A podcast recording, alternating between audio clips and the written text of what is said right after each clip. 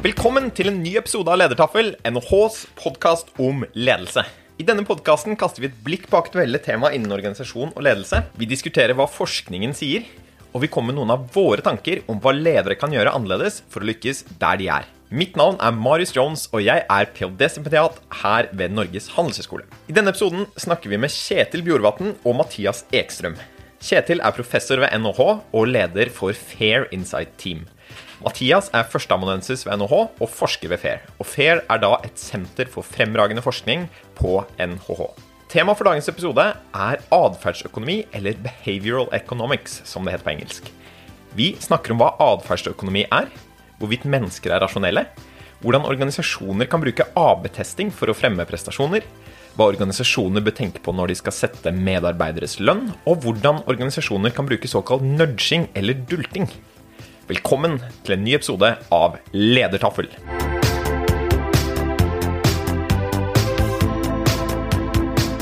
Vi eh, snakker om atferdsøkonomi, og med meg så har jeg Kjetil Bjorvatn, som er professor på NHH og leder for Fair Insight Team. Og så har jeg med meg Mathias Ekstrøm, som er førsteamanuensis på NHH og forsker hos Fair. Så velkommen til begge dere to. Tusen takk. Tusen takk. Og så har jeg selvfølgelig med meg fast podkastmakker og prorektor Therese Sverdrup. Velkommen til deg, Therese. Hva er det vi skal snakke om i dag? Jo, tusen takk, Marius. I denne episoden så er vi så glad for å ha med oss disse atferdsøkonomene for å forstå bedre hva som menes med atferdsøkonomi, hvorfor dette er blitt populært, hva da ledere og organisasjoner kan lære av dette. Kan ledere selv eksperimentere i egen virksomhet? Og til slutt, hva er egentlig nudging eller dulting, og hva er det for å få folk til å ta bedre valg? Da, da kan vi jo begynne med deg, da, Kjetil. Og jeg har introdusert deg som leder for Fair Insight Team. Vil du si litt om hva Fair er, og hvordan dere jobber med atferdsøkonomi? FAIR er en eh, forskergruppe på NHH eh, med hovedbase på Institutt for samfunnsøkonomi. Det er et uh, tiårig prosjekt, et senter for fremragende forskning. Et samarbeid mellom atferdsøkonomene og arbeidsmarkedsøkonomene uh, på, på NHH. Og Vil du si litt om dette med Senter for fremragende forskning? For det er jo en utmerkelse som er ganske kul, og som kanskje ikke alle der ute vet hva egentlig betyr. Hva er det som har gjort at dere har fått den, den tittelen der, eller kan smykke dere med den tittelen der? Ja, det en, ja, Den henger høyt, den. Eh, det er jo Forskningsrådet som eh, hvert eh, femte år tildeler forskningsmiljøer innenfor alle områder en mulighet til å fokusere ti, ti år på, på, et eller annet tema som de syns er interessant. og som du sier, det er, det er, det er høy prestisje knyttet til det, og vi fikk den vel fordi vi er utrolig dyktige, da. Ja, hvis, hvis, jeg kan få lov å skyte inn der, eh, siden jeg kan ta med meg prorektorhatten, så er vi jo utrolig stolt over alt eh, FAIR har fått til. Og det, det yngler jo i gangene normalt, når ikke vi har koronatid selvfølgelig, med forskere som kommer fra hele verden til det miljøet på NHH, og det syns jo vi er storartet. Det godt å høre. Det er, det, det er, en, det er en, stor gruppe og med mye aktivitet. Og um, som sagt et uh, samarbeid mellom arbeidsmarkedsøkonomene og atferdsøkonomene. I denne podkasten skal vi kanskje snakke mest om, om uh, atferdsøkonomien, men, men, som sagt også arbeidsmarkedsøkonomene er sterkt med i FE, og de ser da på på registerdata, store data, se på hva er det som, er det som skaper ulikhet i samfunnet fra, fra liksom, vugge til grav, gjerne. Kult. Det høres ut som vi må lage en episode om det også. Jeg tenkte Vi kan starte litt med den der med hva er atferdsøkonomi. og En inngang som vi kan ha der, er jo å snakke litt om dette med mennesket som en sånn rasjonell aktør. Fordi I økonomifaget, i hvert fall sånn jeg lærte det, så beskrives jo ofte mennesket som en rasjonell aktør, som da er en sånn antakelse om at vi hele tiden prøver å maksimere eh, nytten Eh, for vår egen del, eller nytte eller velferd. Vi har konsistente preferanser over tid, og så bruker vi en sånn kost-nytte-vurdering for å evaluere hva som er best hele tiden. Og Mitt inntrykk er at atferdsøkonomien den har utfordret dette her bildet om hvordan mennesket fungerer. Så kan, kan dere si litt kanskje om hva atferdsøkonomi er, og om hvordan dere ser på menneskelig handling? Jeg kan begynne uh, og uh, si at atferdsøkonomi handler om uh, begrenset rasjonalitet og det handler om utvidede preferanser. Og begge disse antakelsene her, begrenset rasjonalitet, utvidede preferanser, er eh, si, brudd med standardantakelse i, i samfunnsøkonomien. Som du sier, eh, er basert på at folk treffer valg som er konsistente over tid, og at de tenker først og fremst på seg selv. Så atferdsøkonomien tar inn over seg at sånn er det ikke alltid. I mange situasjoner så, så vingler vi våre valg, og i mange situasjoner så tenker vi faktisk på andre. Og dette er innsikt som både psykologer og sosiologer har kjent lenge, men som har vært skal vi si, ikke helt kom il få i økonomifaget. Så med disse antakelsene så er økonomifaget blitt eh, beriket, eh, vil jeg si.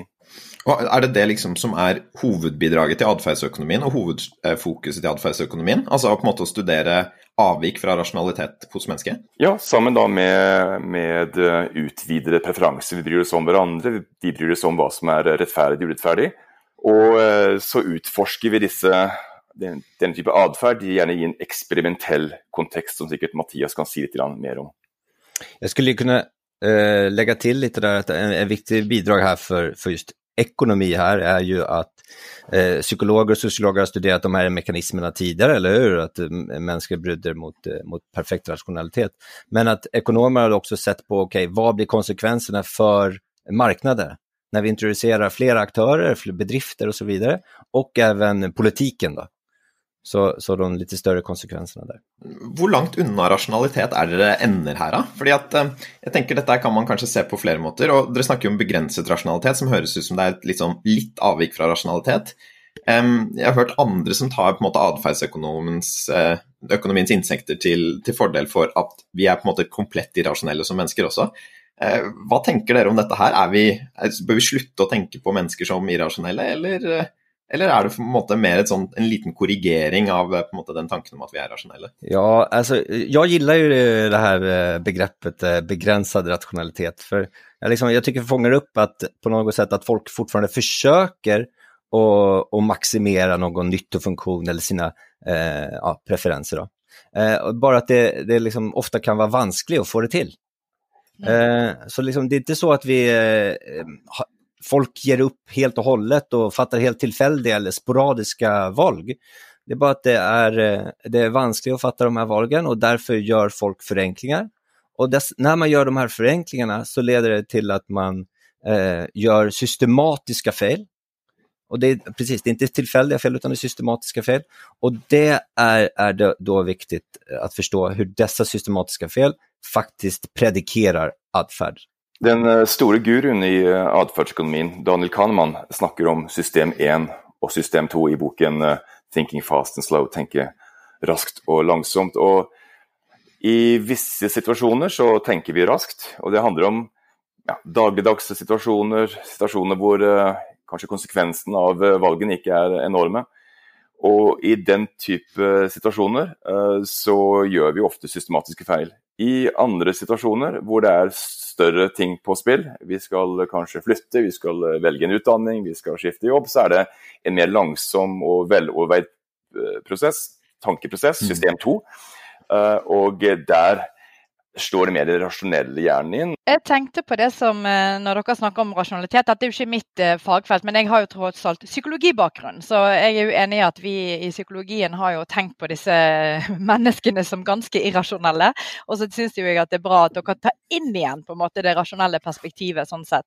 Og jeg vil jo tro at mange av lytterne våre nettopp har eh, innblikk i den boken du snakket om, Kjetil, med, med, 'Thinking Fast and Slow'. Det er i hvert fall sånn at jeg har sett eh, ganske mange på solsengene rundt omkring eh, lese den boken. Um, og, og, det er nettopp det med hva er det ledere kan ta med seg inn i på en måte hverdagen sin knyttet til uh, akkurat det med 'thinking fast and slow'? Altså, nå har ikke jeg lest hele boken selv, men, men, det handler om som du sier, at vi har system 1, system 2.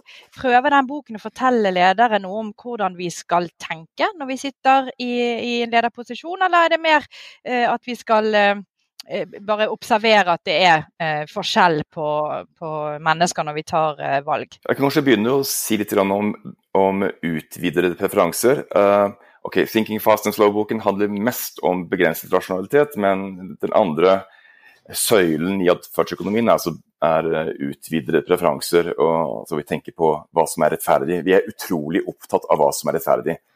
Okay. Og uh, Eh, så kan kanskje Mathias si litt mer om, om begrenset rasjonalitet etterpå. Men, men, det er klart at eh, for en leder uh, En leder er jo opptatt av å motivere sine ansatte og velge de riktige ansatte. Og svaret på begge spørsmålene, både på motivasjon og på å velge de riktige ansatte, er, er lønn, gjerne. Mm. Monetære instrumenter Du tilbyr en, en, en, bonus for hvis en ansatt gjør en god jobb, og du gjør det for å fremme nettopp innsats i den retningen man ønsker. Og man tilbyr en høy, en høy lønn for å få de rette ansatte. Så det har vært sånn standardsvaret eh, på ledelsesspørsmål i økonomifaget. Og lønn er jo ekstremt kraftfullt og kan være ekstremt nyttig nettopp for å få til det man ønsker som leder. Men samtidig, og det her peker atferdsøkonomien på, er, er lønn ekstremt uh, både kraftfullt og til dels også, men også med en, med en viss bakside. Um, F.eks. det å tilby en lønn for å for å insentivere innsats, det kan ha den bieffekten at det fortrenger indre motivasjon. I en rekke situasjoner på en arbeidsplass så er det ikke bare lønn som motiverer eh, handling. Det er også eh, ja, Man ønsker å jobbe for selskap, man jobber, ønsker å jobbe for hverandre, sine kolleger. Eksempel, og um, dette kollegiale aspektet, dette overordnede målet, uh, kan være viktig. Og i den type situasjoner, så kan en lønn faktisk fortrenge denne indre motivasjonen. slik at det som før var en, en eh, innsats for et eh, høyere mål, kan gå til å være en dårlig betalt jobb. Og det kan være demotiverende snarere enn motiverende. Tilsvarende eh, kan man tenke at det å tilby en høyere lønn til, for å beholde en ansatt, eller for å få en ny ansatt i jobben, kan, kan skape spenninger på jobben. Hvis jeg er en ekstremt lojal medarbeider. Kunne ikke tenke meg en annen jobb enn å jobbe for akkurat dette selskapet. Eh, kontra en kollega som er hele tiden på jakt etter nye utfordringer, andres mindre lojal, for å si det kort, kort og godt. Så er, så er, jo den standardøkonomiske modellen tilsier at vi, vi, bør gi høyere lønn til den illojale arbeideren. Uh, fordi at den lojale vil jobbe der uansett. Så hvorfor tilby den lojale arbeideren høyere lønn? Eh, klart, det kan oppfattes som ekstremt urettferdig og kan skape spenninger på arbeidsplassen. Så lønn er kraftfullt, men må brukes med, med, med varsomhet. Der synes jeg det, veldig, det, kommer ganske godt frem hvordan dette tanken om begrenset rasjonalitet, eller særlig utvidede preferanser, faktisk har noe å si for hvordan vi bør tenke om en del valg vi gjør på arbeidsplassen også. da. For den tradisjonelle, rasjonelle aktøren da, som kanskje er beskrevet i, i mye av samfunnsøkonomien, den ville jo ikke brydd seg om hva andre får i lønn. Altså her er det jo, Da ville det vært en person som kun bryr seg om sin egen lønn, og, og tenker på hvor mye jeg er egentlig villig til å gå på jobb i forhold til lønnen min, og hvilke alternativer har jeg, osv.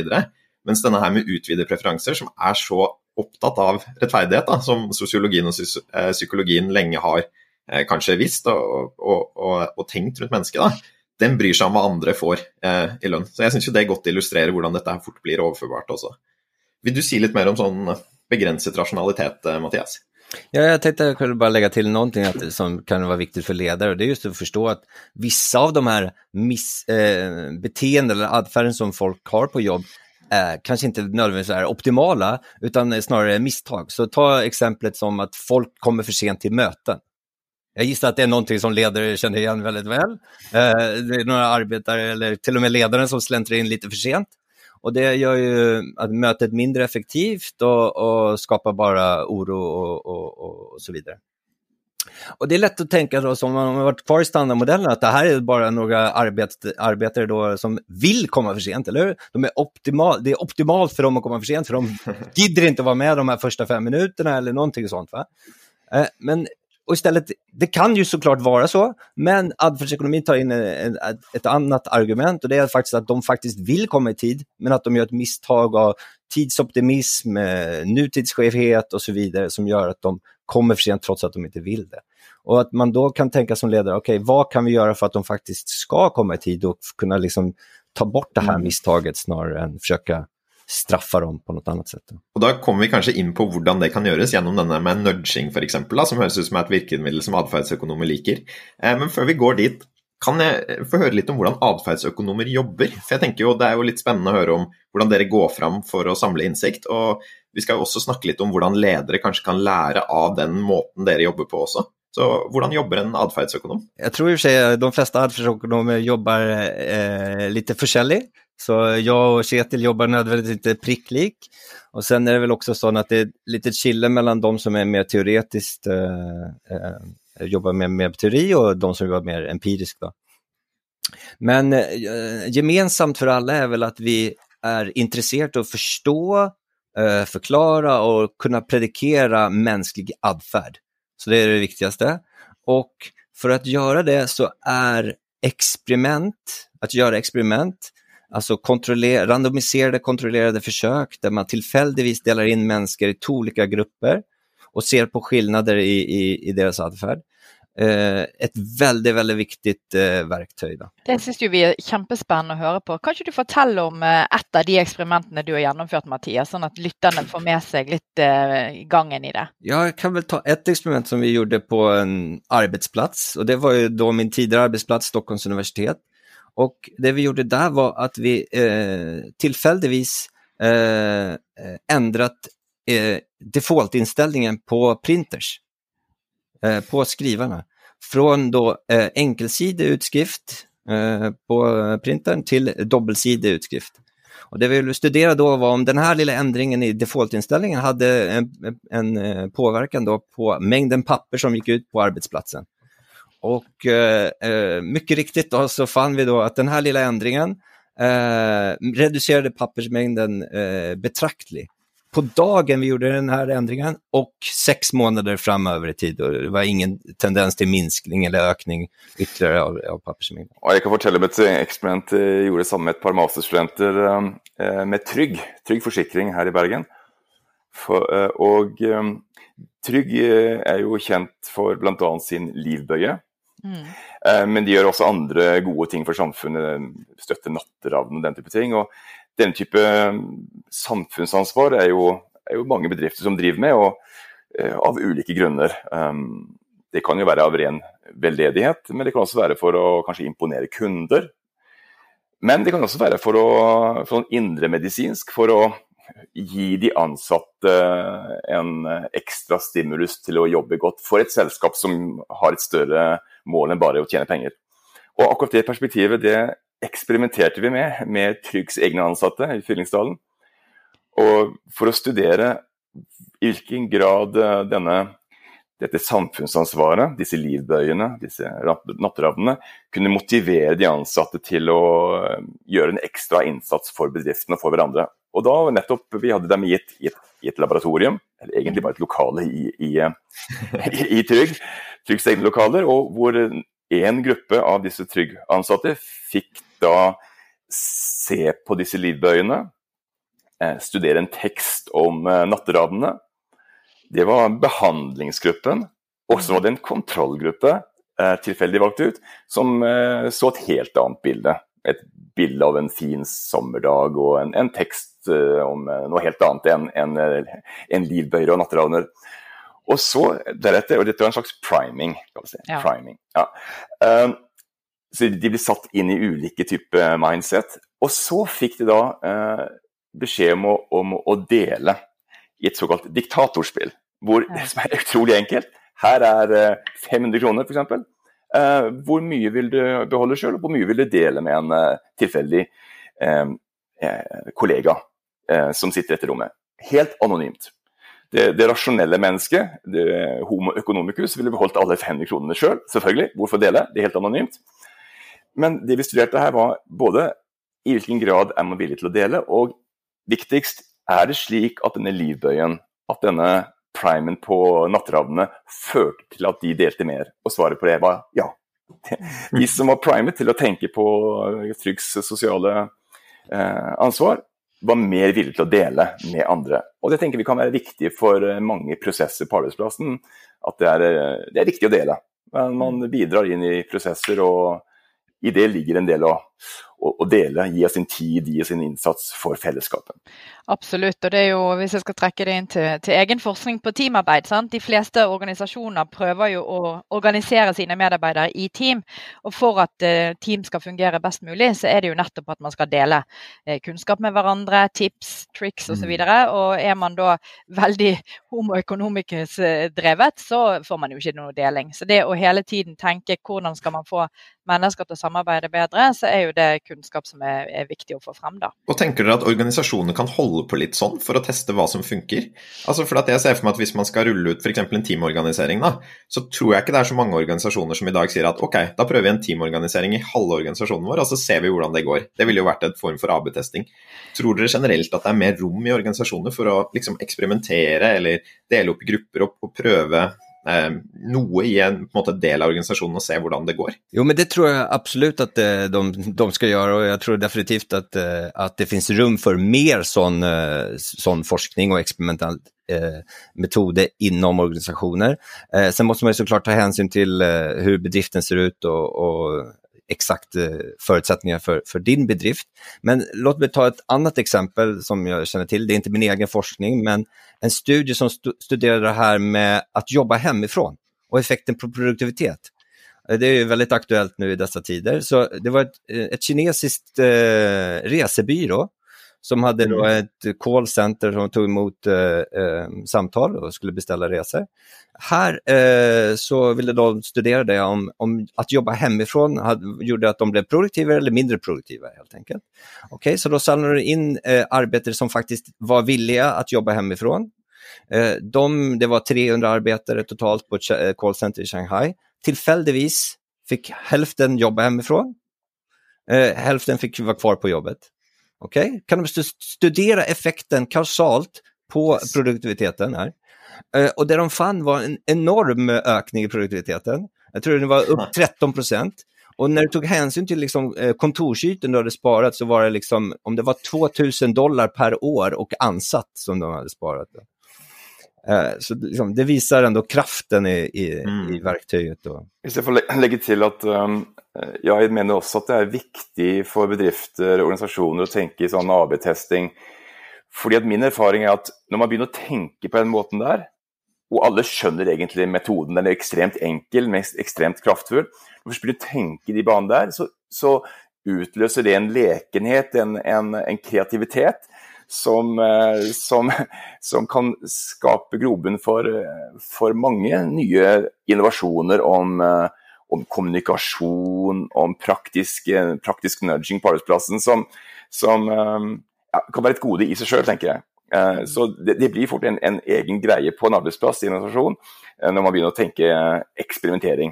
Det blir gøy, og det blir kreativt, og det kan utløse mye positiv energi. Jeg synes det er veldig kult. Og bare sånn for å ta AB-testing, så betyr jo det bare å eh, gjøre en intervensjon på én gruppe, som er A-gruppen, og så ikke gjøre en intervensjon på B-gruppen. Og så har du på en måte en kontrollgruppe som da gjør at du kan isolere hva er faktisk effekten av intervensjonene.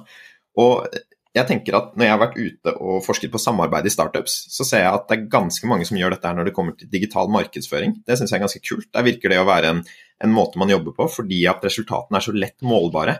At Hvis du kjører en markedsføringskampanje i Facebook f.eks., så kan du sette én um, målgruppe først, og så kan du teste med en annen målgruppe siden, og så ser du om på en måte gir dette her høyere eh, salg f.eks.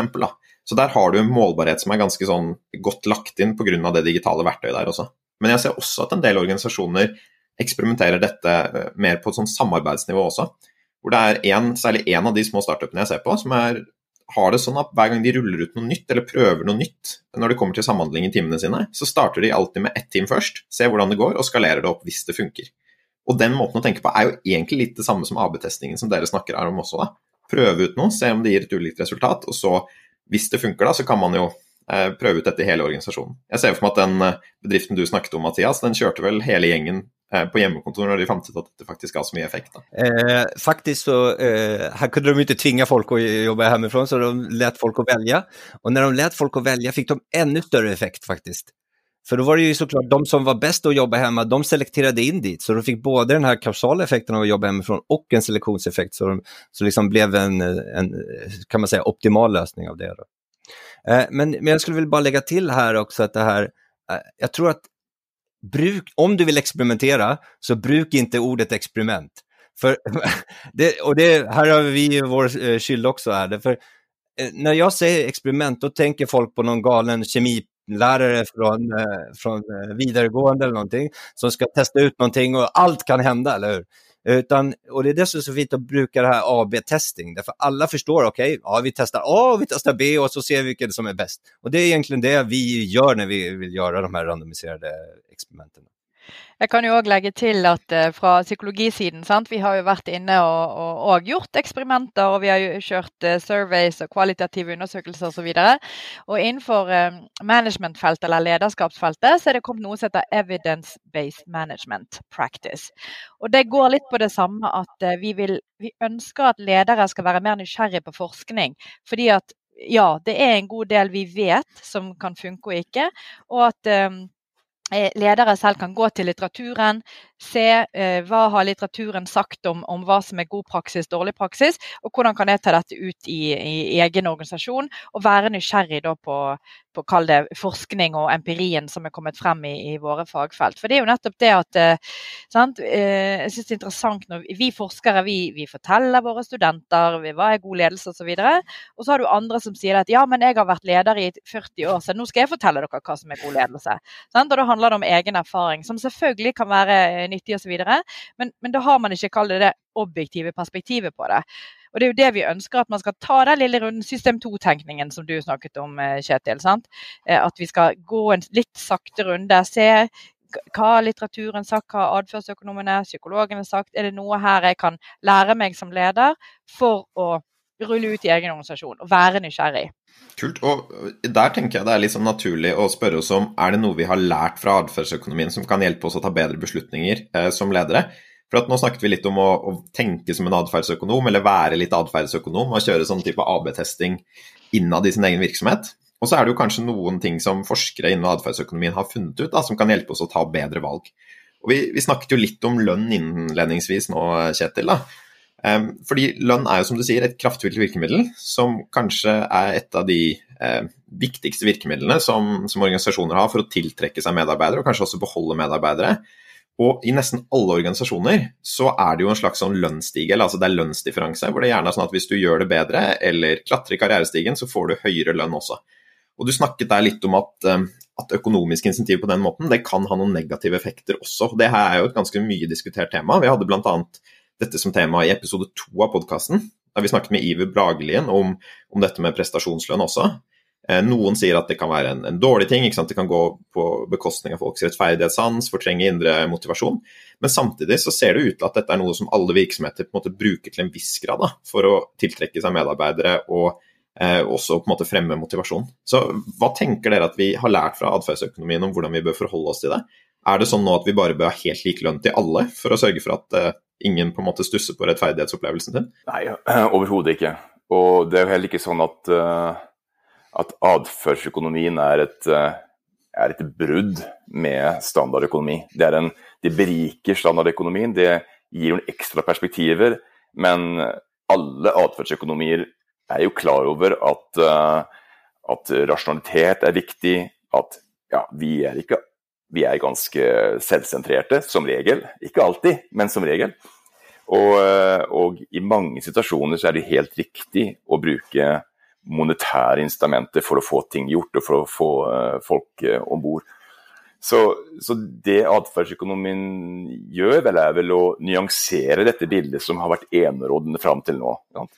Uh, som sier at lønn kan være kraftfullt, ja, viktig, men, men, vær litt forsiktig. Og I visse sammenhenger er det nok Så kan, kan, det til og med være kontraproduktivt. Um, nøyaktig hvilke situasjoner der man skal være ekstra forsiktig med lønn og skal tenke mer sånn atferdsøkonomisk, det finnes egentlig ikke noe oppskrift på. Uh, så det er mer perspektivet på, på, på at, at lønn er problematisk, som er, som er, det nye her. Det, peker også på at en del andre typer former for ledelse kan være veldig viktig. sånn soft management det finnes eksperimenter som viser at betydning av anerkjennelse mm. um, kan være veldig viktig. veldig enkelt, lite eksperiment, eller AB-testing, hvor, hvor deltaker i et, uh, i et, et rom et, et, laboratorium, men her skal man være forsiktig igjen. Det var egentlig bare et, et klasserom, uh, gjerne på, på, et universitet. Fikk i oppgave å gjøre en ganske kjedelig jobb. og så var, den eksperimentelle variasjonen var om lederen av eksperimentet anerkjente den jobben som var gjort, med et lite nikk ved å lese gjennom teksten, Og, og, så spurte da den arbeideren i dette klasserommet om vedkommende vil gå videre og, og fortsette med den kjedelige jobben, kontra å bare ignorere arbeidet og makulere arbeidet og spørre vil jobbe videre. Ellers helt likt. Bare denne lille, dette lille blikket på arbeidet, den lille anerkjennende, anerkjennende eh, nikket, eh, førte til at mange flere var villige til å gå ganske langt i jobber for en luselønn i dette tilfellet. Eh, så, så det, liksom, det, bretter ut uh, perspektivet og sier noe om betydningen av andre typer virkemidler enn lønn. Jag kan väl bara lägga till lite generellt egentligen. Du, du spurte om eh, liksom, insikter till ledare från adfärdsekonomin. Det är klart, en av de absolut viktigaste insikterna i adfärdsekonomin eh, på begränsad rationalitet i alla fall är det här med tappsaversion. Mm. Och med tappsaversion menar vi att folk eh, värderar ting, inte rent objektivt utan eh, relativt en referensepunkt. Och den referenspunkten kan ju vara vad som helst beroende på eh, situationen, men låt oss säga lön här till exempel. Så har man en referenspunkt som eh, typiskt sett är eh, den lönen man har eller den lönen man förväntar sig få efter en ny förhandling eller liknande. Eller den, eh, vad, kollegorna har. Och poängen då är att med, när folk har tappsaversion så blir de väldigt, väldigt mycket mer eh, sint och arga när de eh, kommer under den referenspunkten, när de får en lön under referenspunkten en motsvarande gevinst, alltså motsvarande om de skulle få en lön över den referenspunkten. Och den här tappsrevisionen är en väldigt, väldigt stark motivator. Så den kan, ni, eh, den kan man mm. bruka då eh, för att verkligen stärka motivationen i, bland sina ansatta. Såklart får man ju tänka hur, hur, och exakt man vill göra det och möjliga negativa konsekvenser. Men som exempel så vet jag att eh, man har fått högre produktivitet och bättre studentresultat när lärare har fått sin bonus utbetald på förhand mm. och då blivit tvingade att betala tillbaka bonusen om studenterna inte har uppnått ett visst resultat. Jämfört med den motsatta situationen där man får en bonus baserad på studenternas resultat. Så. Jeg tenker den tapsaversjonen er en Det er egentlig en veldig sånn innsikt som jeg tror har konsekvenser for veldig mye, egentlig. Ja. For Jeg har jo sett den derre originale kurven, eller den kurven som Kahneman bruker for å beskrive det, hvor han sier at det å tape eller miste 100 kroner, det gjør dobbelt så vondt som det gjør godt å få 100 kroner. Jeg tenker jo Særlig i en sånn endringsprosess tror jeg dette her er veldig relevant også. Ja. Eh, fordi at I en endringsprosess i en organisasjon så vil det jo alltid være sånn at de som står i en endring, de vil kanskje miste noe, og så vil de på en måte vinne noe også hvis man ikke har det perspektivet med tapsavversjon inn på det, så vil man jo tenke at bare man gir folk like mye da, på andre enden av endringen som de eh, nå taper som følge av endringen, så vil de gå med på den. Mens hvis man tenker at folk har en sånn tapsavversjon, så må man jo faktisk gi en gevinst som er dobbelt så stor som det man taper, hvis folk skal gidde å være med på det også. da. Så det, det, jeg tror det kan være med å forklare kanskje en del motstand mot endring også. Ja, jag ville bara eh, nämna det, för Kjetil var inne på det här, okay, när är eh, misstagen mest sannolikt att de sker? Och det är klart att vi tänker ju att misstagen eh, som folk gör är mindre sannolikt att de sker när liksom det är står mycket på spel, mycket pengar på spel eller andra saker som står på spel. När man har fått mycket erfaring, eller? Så liksom saker, personer som är proffs på någonting, de gör mindre misstag och. Men eh, det finns det en studie som studerar just det här med tappsaversion och eh, professionella golfspelare. Och det de finner da, er at til og med Tiger Woods har denne formen av tappsaversion. Og, og, det viser de just på hur, hur de her proffsen puttar når de puttar for par og dermed riskerer å tappa relativt hålets par då, som er et slags normert antall slag for proffs, gentemot når de puttar for birdie, altså under par og dermed kan, er fortsatt fortfarande en sånn gevinstdomen og, eh, og, och eh, inte riskerar att tappa. Då. Och då finner de att när de jämför samma spelare som puttar i princip på samma avstånd från hålet och så vidare och så vidare. Och då finner de att de puttar bättre när de puttar för eh, par för att undgå det här tapet. Då. Så liksom, om du hade varit eh, eh, Tiger Woods mentala coach och kunde se till att han puttade alla puttar som han puttar för par, då hade han tjänat två miljoner mer eh, dollar, tror jag per år. Eh, så det är helt eh, fantastiskt. Just i en sån setting där så mycket, står på spel, så mycket står på spel och där de har så mycket erfarenhet så är, gör de även den här typen av misstag. Jeg har jo et spørsmål eh, knyttet til det med, med ta observasjon. Da. Det er ikke noe jeg eh, har studert, og, og, eh, men jeg ser absolutt den uh, biten av det. Og som dere sier, da, hvis man eh, driver endringsprosesser, så skal man omtrent, som du sier, Marius, komme med dobbelt så mye gevinst for at folk vil ha en buy-in på endringsprosessen. Men, men eh, spørsmålet mitt er mer ja, men hvis en leder er bevisst på tapsaversjon, og heller kan forberede ansatte på at vet du hva, nå kommer dere til å oppleve dette som eh, litt vanskelig, fordi at det nettopp er en tapsaversjon hos oss. Altså Anerkjenne at dette er eh, opplevelser og følelser som vil komme, og så hjelpe de heller til å reflektere over hvorfor er det sånn. Jo, for det er menneskelig. Heller enn at du skal kompensere med en gevinst for å, å ja, eh, unngå den eh, følelsen av tapservasjon. Jeg er jo all for å snakke litt mer sammen, ikke sant? Eh, ville det vært en løsning her?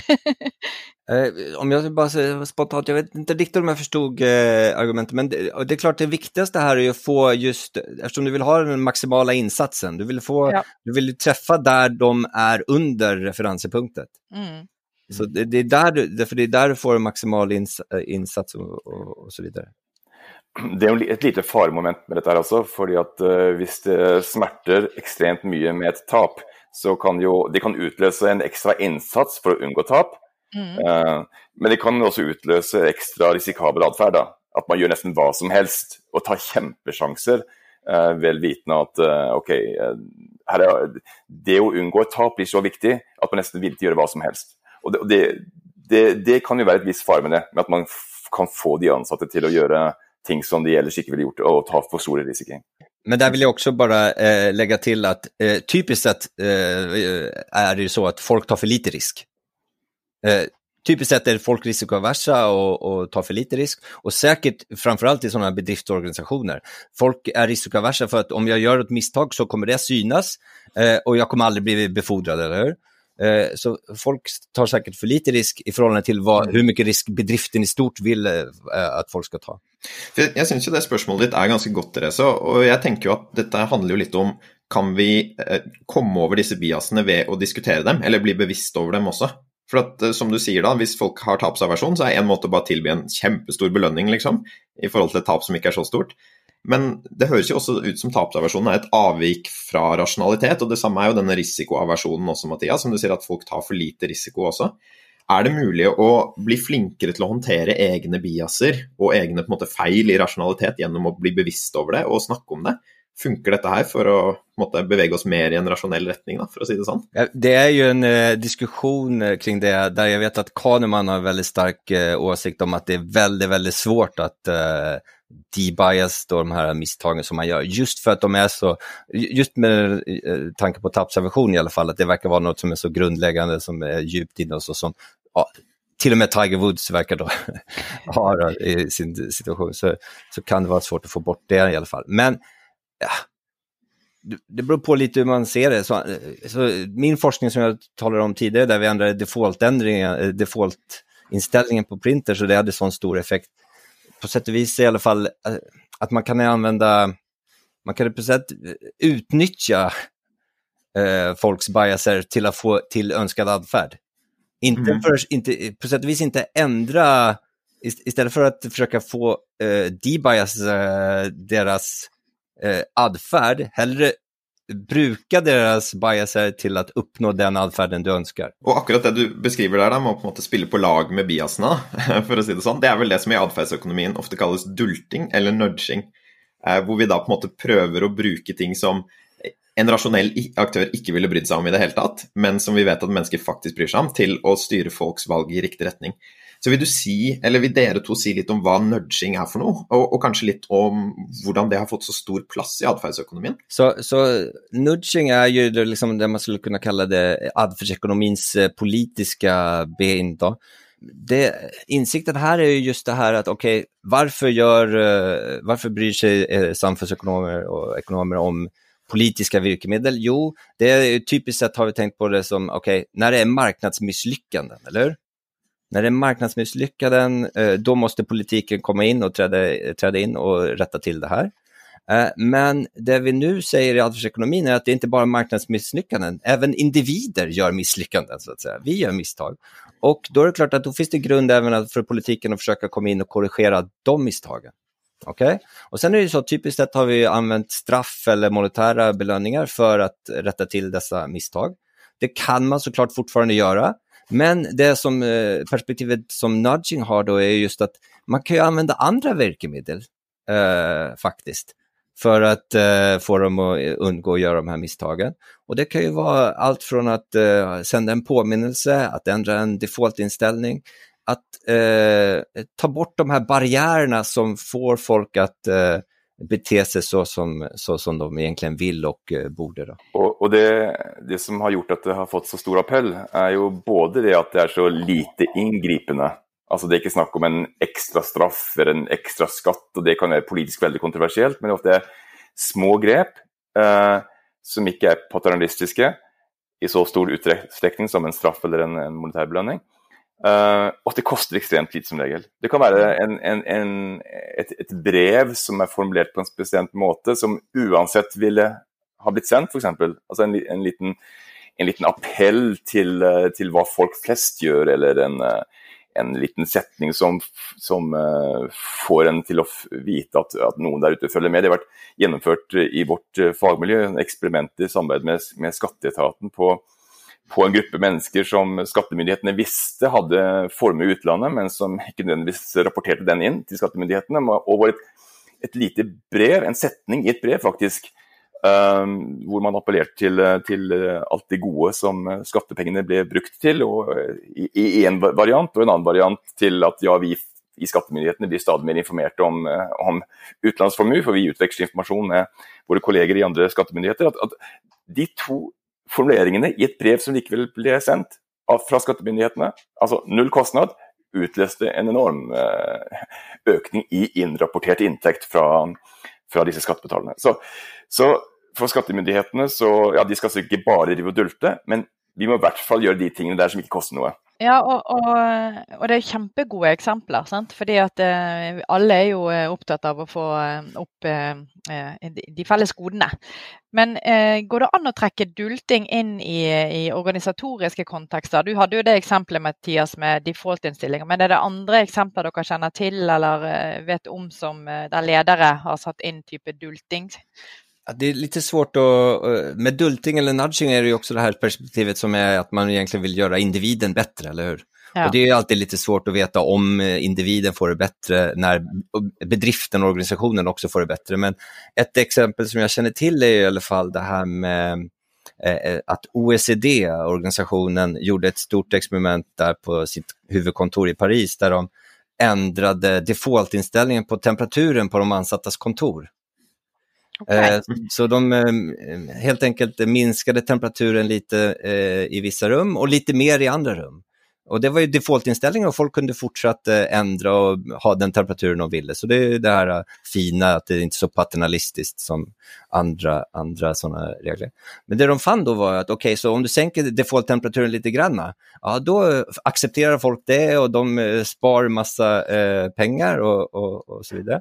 Men om du sätter default-temperaturen för lågt, ah, då började folk gå in där och mixtra med sin, eh, eh, sin egen temperatur. Och jag, om jag minns rätt så blev till och med strömräkningen högre då helt plötsligt, för då ville de ha ännu varmare. Så. Jeg, synes, jeg, tror det er andre sånne små ting man også kan gjøre mer i organisasjoner. Mm. Og jeg tenker sånn spesielt på, på digitale flater, da, så, så, vet jeg at når jeg får denne PC-en her som jeg har fått av jobb, så er det sånn at notifikasjoner på e-post, den er skrudd på. Og mm. da kan det fort bli sånn at jeg beholder den på, og det er ikke sikkert at det er optimalt for meg i arbeidshverdagen min. Kanskje jeg heller burde ha det av, sånn at jeg sjekker mail ved behov isteden. En annen ting er jo bare når jeg kaller inn til et møte i Outlook, så er jo det standardinnstillingen der satt på jeg tror det er en halv time. Og Det gjør jo sikkert at ganske mange av møtene mine da, enten blir en halv time eller en times lang også. Og Der har jeg hørt andre organisasjoner som har prøvd å endre på det. Altså gjøre at bolkene blir på en måte mindre, hvor man ser at ja, da tar folk mindre møter også. Da. Så jeg tror det er ganske mange av de der standardvalgene som både kommer liksom Her er det jo en digital flate, men også kanskje på hvordan arbeidshverdagen ser ut og, og sånn også, som man kan eh, gjøre små endringer med. Og Det som er så fint med de endringene, er jo at hvis standardvalget er tre kvarter, men jeg fortsatt ønsker et møte på en time, så kan jeg selvfølgelig ta det valget. Men jeg kommer sannsynligvis ikke til å gjøre det, fordi vi har en tendens til å følge disse standardvalgene, som dere sier, eh, Mathias og Kjetil. Og jeg syns det var veldig eh, artig når dere i sted, eller det var vel du Kjetil, som begynte å snakke om at ledere burde kanskje eh, åpne opp litt, reflektere litt, kanskje eksperimentere litt eller AB-teste litt. Nettopp fordi at det utløser en type kreativitet og lekenhet i organisasjonen. For det er jo ofte sånn at alle våre medarbeidere sitter i hverdagen og kommer kanskje kanskje på ting der og da som ville gjort arbeidsplassen bedre. Og så har man ikke, kanskje ikke noe rom for å komme med de innspillene. Så, så hvordan skal organisasjoner rett og slett rigge seg for å ja, Skal man ha en forslagskasse? Altså, ser dere for dere noen eh, metoder, ting man kunne gjort i organisasjoner for å rett og slett eh, utnytte det at eh, jeg tror, som dere sier, medarbeidere i hverdagen sitter med noen forslag som, som de skulle kunne komme med til ledere for å teste ut? Ja, de kan godt ta en forslagskasse, eller de kan ta en telefon til Mathias eller meg. Eh, ja, eh, fordi at eh, vi, vi, har dette Fair Insight Team, da, som er oppdragsforskningsarmen av Fair. Um, og vi, jobber jo med mange organisasjoner, bedrifter der ute. Og vår erfaring er at når vi kommer og forteller om atferdsøkonomi, vi kommer og forteller om disse eksperimentene våre og, og litteraturen, hva teorien sier, så, så, så, skaper det en energi og en interesse um, som man ikke nødvendigvis kan få fra en forslagskasse. Så, så jeg, jeg, tenker at uh, min erfaring uh, fra Fair Inside Team er at uh, vi får masse tilbake ved å snakke med organisasjonene og bedriftene, fordi vi får mye praktisk kunnskap om hva som skjer der ute, hvordan de tenker, og vi kan få masse spennende data å forske på, og det elsker vi. Eh, samtidig så føler jeg også at mange ganger at vi, vi bringer en energi inn i, eh, inn i disse miljøene, eh, som kan utløse en energi også forhåpentligvis på, på litt lengre sikt, selv når vi er ferdig med våre våra artikkel, så, så, ta gärna en telefon. Jag kan väl bara lägga till också, jag tycker det låter helt fantastiskt med en sån förslagskassa. Så liksom som forskare så tänker jag, det är ju bara en massa mängd hypoteser vi får in, eller hur? Samlar på oss. Och sen handlar det bara om att testa de hypoteserna och det är precis så vi jobbar. Ja. Så det låter helt strålande. Kult. For å gå inn for landing her, da. Eh, for alle ledere som er nysgjerrige på atferdsøkonomi, så hører jeg at det er én ting de bør gjøre. Det er jo å plukke opp telefonen og ringe eh, Kjetil og Mathias. Har dere noen forslag til andre ting som, som, ledere kan gjøre for å sette seg litt mer inn i dette her, eller ta atferdsøkonomien i bruk hos eh, sin organisasjon? Ja, altså du, Therese nevnte jo at hun har sett mange blad i Kahnemans bok 'Thinking Fast and Slow' på, på Solsengen. og uh, Den kan godt nytes også på i stuen og på hjemmekontoret eller andre steder. Jeg synes det er en veldig Det er jo en slags atferdsøkonomisk bibel. Um, kanskje ikke lese fra perm til perm nødvendigvis, men ta den opp og lese et kapittel her og der. Veldig inspirerende. En, det er jo en veldig, eh, veldig, en veldig morsom bok og inspirerende bok å lese. Og så finnes det denne boken 'Nudging' av uh, den andre, en annen nobelprisvinner, Richard Taylor. Um, som, eh, og Sunstein, som uh, viser uh, masse spennende eksempler på nudging i, i, hverdagen og i arbeidslivet og i organisasjoner. Så de to bøkene kan man med fordel lese. Ja, altså det, det, det, viktigste tipset er egentlig bare begynne å eksperimentere. Begynne å teste ut og se test, teste hva som funker i din organisasjon. Og ni kommer feile, eh, men iblant eh, finner man et gullkorn også. Og så, um, så det er egentlig det viktigste. Jeg tror at det er bare å begynne. Og vil dere ha tips uh, fra oss innan, som sagt, ring oss eller ta vår MBA-kurs på NHH. Uh, eh, mm. det, det, er rådet.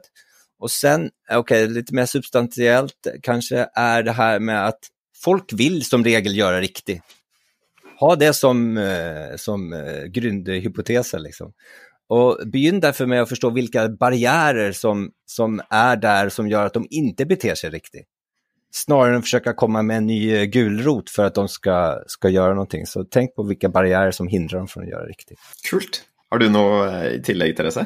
Hvis jeg skal si noe avslutningsvis, så tenker jeg at uh, de episodene vi har hatt nå, jeg syns det er veldig spennende hvordan vi ja, ofte avslutter sånn som du sier, Kjetil. Det er så mye god innsikt der ute. Det er noen bøker vi kan lese, det er noen kaller bibler innenfor de ulike fagene. Og, og det sier meg det at um, ledere eller folk som er nysgjerrig på å gjøre endringer i organisasjoner, kan hente mye inspirasjon fra, fra, gode bøker, som deretter setter i gang noen tankeprosesser. Og nå har jo dere gitt de òg en, en, ganske god mulighet og åpenhet om å kontakte dere, rett og slett. Og det tenker jeg òg er utrolig flott å se at uh, forskerne hos oss på, NHH er åpne for å komme ut i uh, næringslivet og jobbe tett på. Det er jo det vi ønsker å se. Herlig. Super avslutning. Tusen takk for en spennende podkast og for at dere kom i studio, alle sammen. Tusen takk. Takk.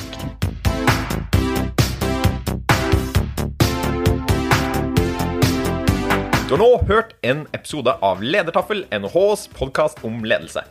I studio i dag var jeg, Marius Jones, sammen med Therese Sverdrup, Kjetil Bjorvatn og Mathias Ekstrøm. Om du vil vite mer om hva vi holder på med på Norges handelshøyskole, så finner du oss på nhh.no, og ved å søke på NHH på Facebook. Vi høres!